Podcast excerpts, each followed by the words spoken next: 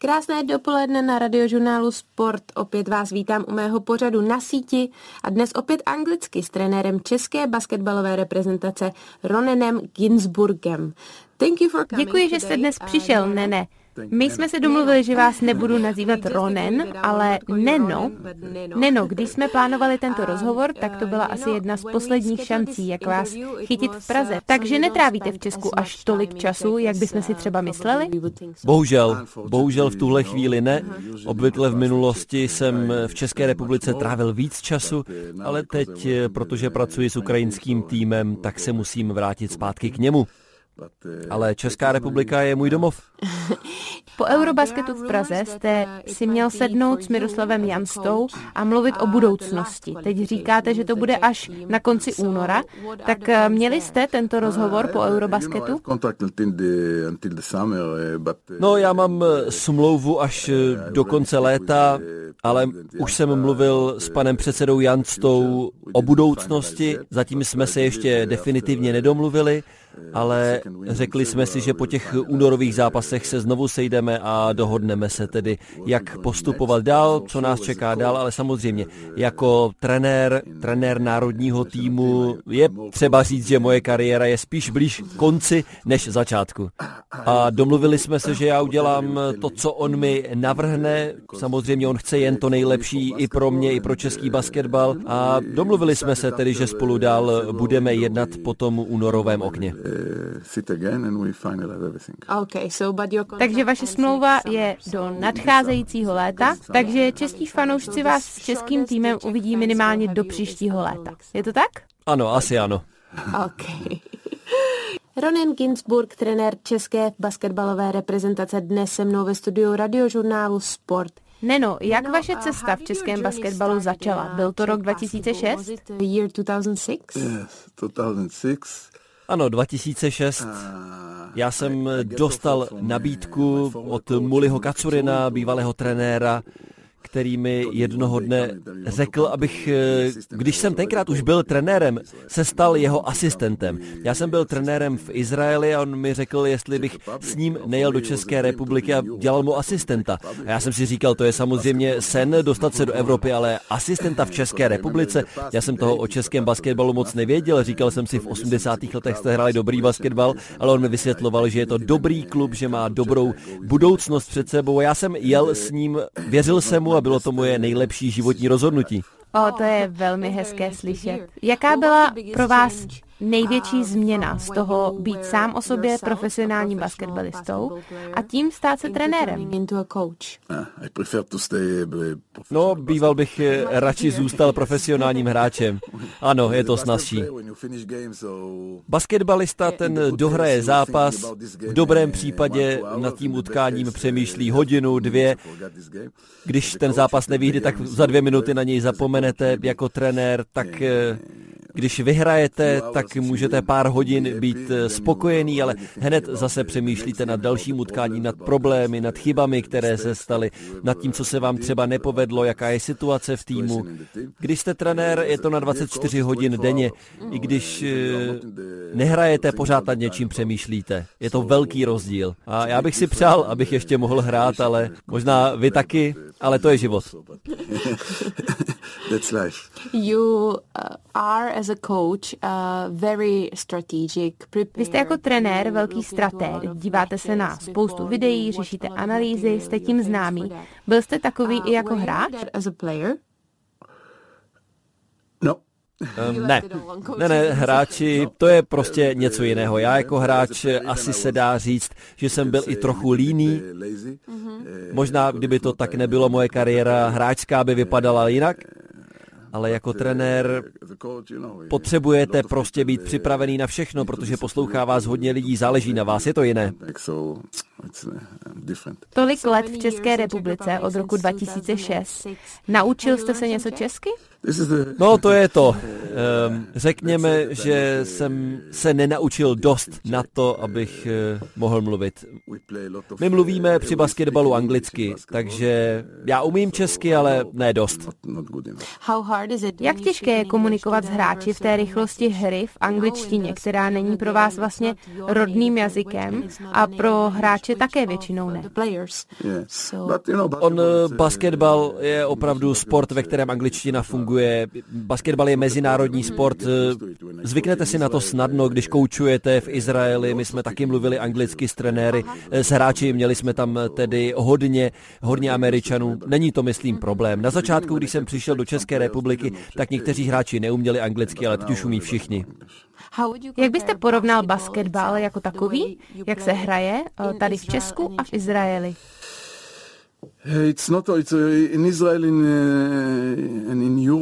V Izraeli když to porovnáme s Evropou, tak bych řekl, že pro mě ten hlavní rozdíl je, že v Izraeli, Řecku, Turecku, tam je to jiné než v České republice, v Německu nebo třeba ve Francii.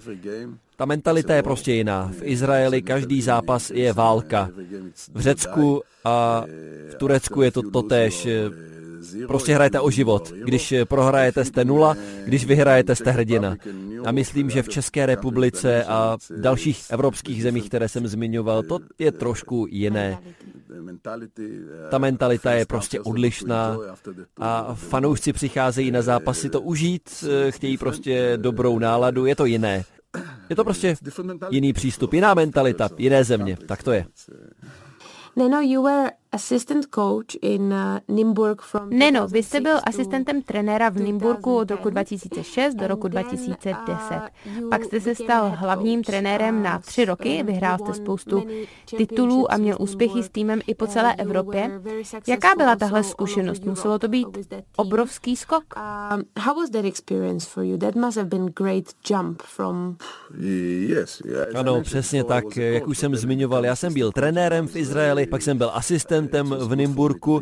Bylo to skvělé, že jsem byl asistentem tedy s Mulim a potom, když jsem se stal hlavním trenérem, tak v té době Nymburk začal hrát nejenom v České lize, ale taky Eurocup a VTB, Ruská liga. Bylo to 82-83 zápasů za sezonu. Bylo to opravdu šílené, ten herní kalendář, ale dalo to hodně Nymburku, dalo to hodně i mě, hodně zkušeností. Získali jsme jsme hodně poznatků o hráčích, o trenérech. Bylo to opravdu pro mě skvělé i pro klub. Uh, po mnoha letech v Nymburku jste v roce 2013 měl volno, vzal jste si čas na to vybrat si tu správnou nabídku. Co jste v té době mezi trenérem Nymburku a trenérem české basketbalové reprezentace vlastně dělal? Dělal jsem to, co děláte teď vy. Komentoval jsem, pracoval jsem v izraelské televizi a byl jsem tam komentátorem izraelské ligy. Já jsem dostal nějaké nabídky, ale nic, co by mě přinutilo opustit Izrael a jít někam jinam. Takže dělal jsem to, co vy děláte dnes. Byla to láska k České republice, která vás dovedla k tomu přijmout nabídku stát se trenérem České basketbalové reprezentace? Nerozuměl jsem, promiňte. Láska. Láska. Aha, ano. Láska k České republice. Ano, jednoznačně ano. Strávil jsem sedm let v České republice, mám jí moc rád, eh, mám rád lidi, mám rád mentalitu lidí okolo mě. A potom, když pan předseda Jansta mi zavolal s tou nabídkou, zeptal se mě tedy, jestli bych přijel, tak já jsem nad tím vůbec nepřemýšlel. Řekl jsem mu hned, eh, že ano, ještě předtím, než jsme se vlastně domluvili na podmínkách a na podrobnostech. Bylo to skvělé. ähm, so ist gut. Jak těžké bylo vyměnit si tyhle role? Bylo to hodně podobné nebo úplně jiné? No, je to úplně jiné. Samozřejmě je to úplně jiné, když trénujete národní tým, když se to porovná s klubem. Tady máte málo času na to, kdy se setkáte s hráči. Musíte se v tom krátkém čase opravdu setkat, soustředit na to, co je před vámi. Nemáte příliš eh, času na experimenty, nemáte taky příliš mnoho času, abyste měli nějaké problémy s hráči. Musíte prostě vyřešit hned, rychle. V tom čase, který máte, musíte do toho dát úplně všechno, je to úplně jiné, je to úplně jiné. Hráči přijíždějí do národního týmu ne kvůli penězům, přijíždějí tam prostě protože chtějí, chtějí být pyšní, že hrají za svůj národ, ne všichni, ale velká část určitě ano, hrajete za svoji zem a prostě vy musíte taky se starat o to, aby si to tam užili, aby je to bavilo hrát za národní tým. Jak moc pomohlo, že jste spousty hráčů znal už z Nymburku? Eh. Samozřejmě, že to pomohlo. Nymburk tou dobou byl hlavním klubem v České republice, pocházeli z něj důležití hráči z Nymburka pro národní tým, takže ano, hodně jsem jich znal, proto jsem taky věděl přesně, jaký hráči mě tam čekají, jaká mentalita. Bylo to dobré.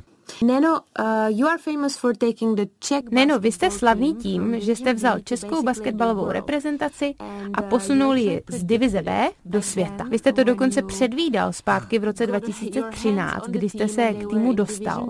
Tak jste řekl, že je dostanete na mistrovství světa a na olympijské hry. Co vás k tomu vedlo? Olympic Games. What was it that uh, made you think that? You know, I'm not so smart. I'm just, uh, Víte, já nejsem zase tak chytrý. Já jsem eh, realista.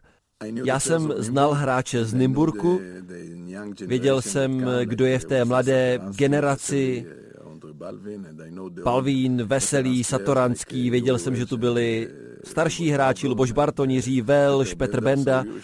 Když si dáte dohromady jedna a jedna, tak jsem si říkal, že bychom tu mohli mít eh, recept na úspěch. A myslím, že na té první tiskovce jsem řekl, že to můžeme dotáhnout na olympiádu. A asi tenkrát eh, někteří to vnímali, jakože to myslím jenom jako nějakou naději, nebo že chci ukázat, jak týmu věřím, ale já jsem tomu opravdu věřil protože Satoranský veselý tou dobou bylo jasné, že se budou jen zlepšovat. Přišel mi ten přístup hráčů, že je opravdu skvělý.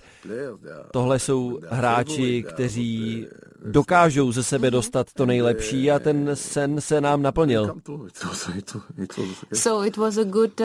Takže to byla dobrá kombinace těch starších, zkušených a mladých nastupujících. A vy jste dal dohromady skvělý pucle? Přesně tak, šlo jen o to dát tenhle tým dohromady. Je to váš hlavní recept, že jste schopný dát do sebe tyhle ty pucle? Víte, basketbal dnes je sportem, o kterém ledas kdo něco ví. A nakonec jde vždycky o to, abychom abychom dokázali zvládnout ty hráče, abychom vytvořili nějakou chemii mezi hráči na palubovce a taky mimo palubovku. Mimo palubovku tam v národním týmu nic eh, vytvářet nemusím, tam jsou všichni dobrá parta, tam není problém, když se sejdou, že by se na sebe netěšili, ale vytvořit to tak, poskládat to tak, aby ta chemie fungovala i na palubovce, to je možná ještě důležitější než třeba taktika. To je ten důvod číslo jedna k případnému úspěchu. Víte, vaše pozice mi trošku připomíná našeho tenisového Fed Cupového kapitána, který musí také dát tým dohromady. Má tedy trošku méně práce, protože má jen čtyři nebo pět hráček. Někdy máte před sebou i to těžké rozhodnutí, jako třeba neobsadit nějakého hráče. Narážím právě na Víta Krejčího, kterého jste někdy musel ještě vysadit. Pak samozřejmě čelíte uh, kritice. Jak těžké je udělat tohle rozhodnutí? Je to opravdu vaše znalost, zkušenost, vaše sebevědomí? Říci si ne, teď ještě pro něj není správný čas?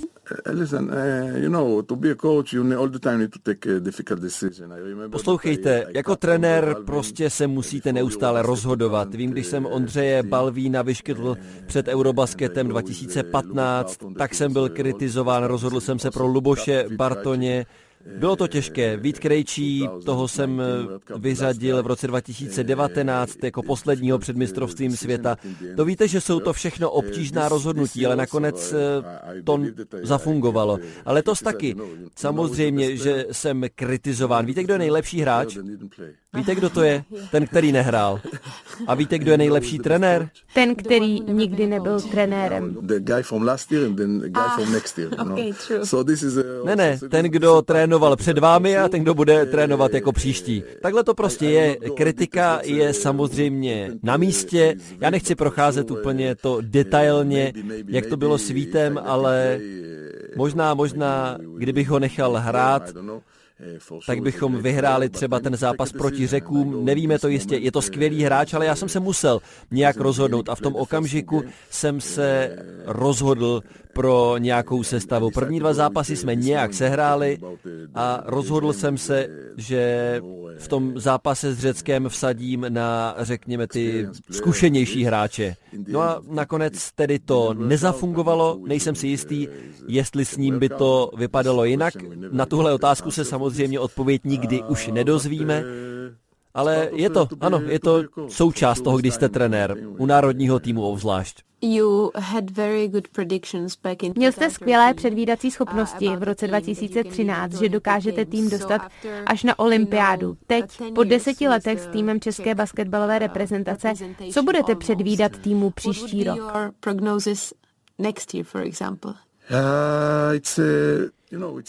No, je to trochu komplikovanější. Když jsem přišel, nebo po roce 2019, tak došlo vlastně ke generační změně. Petr Benda, Luboš Bartoň odešli a začali Bohačík, Peterka, Krojc, a samozřejmě, myslím, že tentokrát to bude podobné. Část týmu odejde, určitě ne celý výběr, ale je jasné, že tenhle národní tým potřebuje novou krev, mladou krev, a myslím si, že máme dobré hráče, máme skvělé hráče. My máme opravdu dobré basketbalisty, máme dobré mladé, ale oni příliš nehrají. Nehrají ve svých klubech, v dobrých ligách, nehrají důležité zápasy. Když se podíváte na Satoranského nebo Veselého nebo Velše, tak eh, tihle všichni, když jim bylo 19-20, tak už hráli. Hráli v dobrých ligách, dobrých klubech.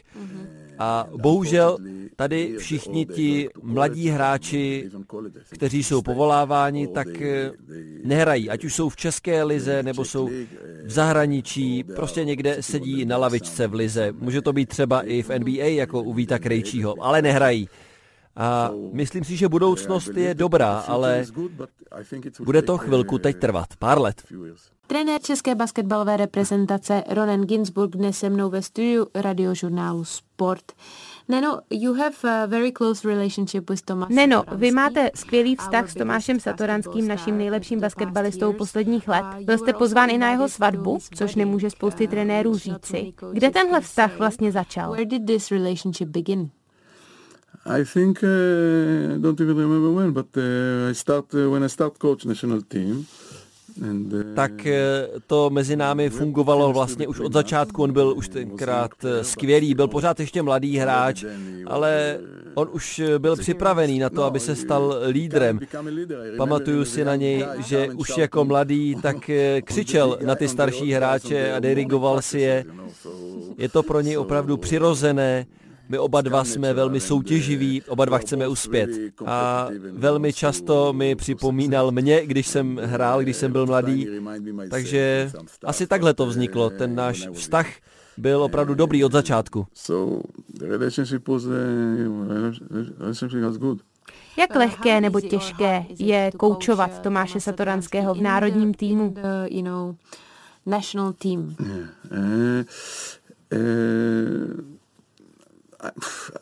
Jak bych vám to řekl? Ze všeho nejdřív eh, bych si přál, abych za celou svoji kariéru měl 12 takových hráčů, jako je Tomáš. Ani ne tak, že by museli hrát tak dobře jako on, ale aby tolik eh, chtěli vyhrát zápasy, aby je uměli vyhrávat. Já jsem viděl hráče, kteří jsou třeba šikovnější než on, ale v něčem. Když bychom si to dali dohromady, to, čeho jsme dosáhli minulé léto, tak to je něco absolutně neuvěřitelného. Ještě jednou tu otázku.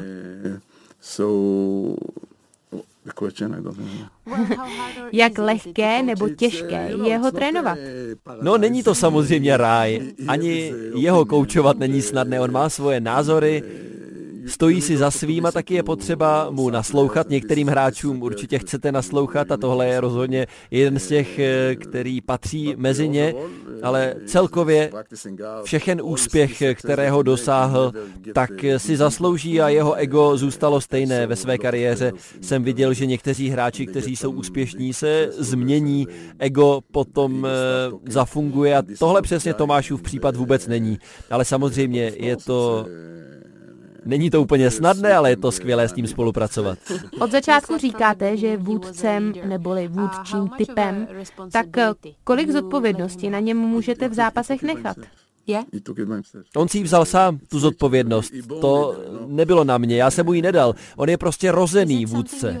Je to něco, co jste se musel jako coach naučit? Možná něco, co vás naučil i právě on? Samozřejmě, my se učíme celý život. Já se učím celou kariéru. Pamatuju si, že jsem byl kdysi na klinice s jedním z nejlepších trenérů v Evropě a on mi říkal, potřebujete naslouchat svým hráčům, protože oni někdy vědí eh, víc něco než vy, protože oni jsou v tom zápase, oni jsou ve flow. A já si to pamatuju, když jsem ještě hrával, že občas něco vidíte, všimnete si něčeho, co třeba trenér nevidí. You said listening to your players. Well, he mentions that, uh, Říkáte poslouchat své hráče. On říká, že některé vaše předzápasové schůzky, taktické porady, trvají velmi dlouho. A ano, že musíte koukat na velmi dlouhá videa a je jich hodně. Ale věří ve váš styl a následuje vás. Ostatní hráči to mají podobně. Ale musíte někdy čelit kritice jednotlivých hráčů, třeba na vaše metody? Methods or going against you? Nevím, nepamatuju si, ale samozřejmě v kariéře se s tím setkáte, protože někdy oni mají svoje vlastní myšlenky, své vlastní návrhy a jak jsem říkal, jsou tu hráči, kterým byste měli naslouchat a jsou tu hráči, kterým nemusíte naslouchat. Tomáš, eh, tam je to jasné, tam samozřejmě ho vyslechnu a buď si z toho něco vezmu nebo ne. Možná párkrát se to stalo třeba i při zápase, kdy máme nějakou neschodu i na zráči na palubovce, ale to je součást toho procesu. Pokud jako trenér byste si všechno vzal osobně, tak nemůžete jako trenér uspět. Neno, měl jste spoustu nabídek z celé Evropy či světa. Jaká byla ta největší nabídka, kterou jste nevzal? Byla to CSK Moskva? No, no, no. Eh, CSK Moskva Ne, ne, ne. CSK Moskva ne, ale měl jsem eh, nabídku od Kubane. Nepamatuju si, jestli to byly tři, čtyři roky zpátky. Tehdy jsem měl smlouvu s národním týmem. Já jsem mluvil s panem předsedou Janstou, probírali jsme to. A jak jsem říkal, on mi řekl, že by preferoval, kdybych to nekombinoval. Věděl jsem, že kdybych na něj zatlačil, tak bych eh, ho možná k tomu donutil, že bych měl tedy klub i reprezentaci, ale on mi řekl, že by preferoval, kdybych tohle nekombinoval. Já opravdu si nemám na co stěžovat. Proč jste tedy souhlasil s trénováním ukrajinské Prometeje? Eh, eh, po Eurobasketu, ne po mistrovství světa, po mistrovství světa to bylo, jsme trochu změnili naši smlouvu, takže už můžu zároveň s tím trénovat klub. a já jsem některé nabídky nepřijal předtím, chtěl jsem přeci jenom být eh, pouze u národního týmu, ale když přišla tahle šance z ukrajinského klubu, tak ukázali, že to berou vážně, že chtějí být klubem, který opravdu do toho jde naplno. V Rusku, na Ukrajině, tam často se stane, že má klub nějakého majitele, dá do toho peníze a po pěti zápasech vám můžou říct, ať si zbalíte kufry a jdou domů, nebo to celé zavřou. Ale tady mi opravdu ukázali, že postavili dvě haly, ukázali mi, že mají akademii taky pro děti, pro mladé hráče. Eh, pan prezident klubu mi ukázal, že tohle bere opravdu jako dlouhodobou věc, že chtějí uspět v Evropě. Tak jsem se rozhodl tuhle nabídku přijmout. Bohužel vypukla tahle válka, ta samozřejmě zastavila tenhle proces, je to šílená, šílená válka. To, co dělá Putin, je neuvěřitelné. Já jsem viděl to, co se tam děje, je to úplně šílenství. Takže takhle se to stalo. Jak to teď funguje v průběhu ruské invaze na Ukrajině, kde je tým aktuálně lokalizován vlastně? We are, we are located in Riga. Mm-hmm. Jsme v Rize, v Lotyšsku tedy, a právě z respektu k panu prezidentu v únoru, když jsme přestali, tak on říkal, že samozřejmě je potřeba podporovat armádu. Mnozí lidé z klubu skončili a v červnu jsme se rozhodli tedy, že je třeba ukázat, že život pokračuje dál, jsme v Lotyšsku, hrajeme Lotyšskou ligu, hrajeme Eurocup, rodiny hráčů jsou tam s nimi, Někteří hráči každý měsíc musí cestovat zpátky do Ukrajiny kvůli nějakým dokumentům. No a teď z Rigi do Ukrajiny jsou to dva dny autem, je to šílené. To opravdu někteří dělají?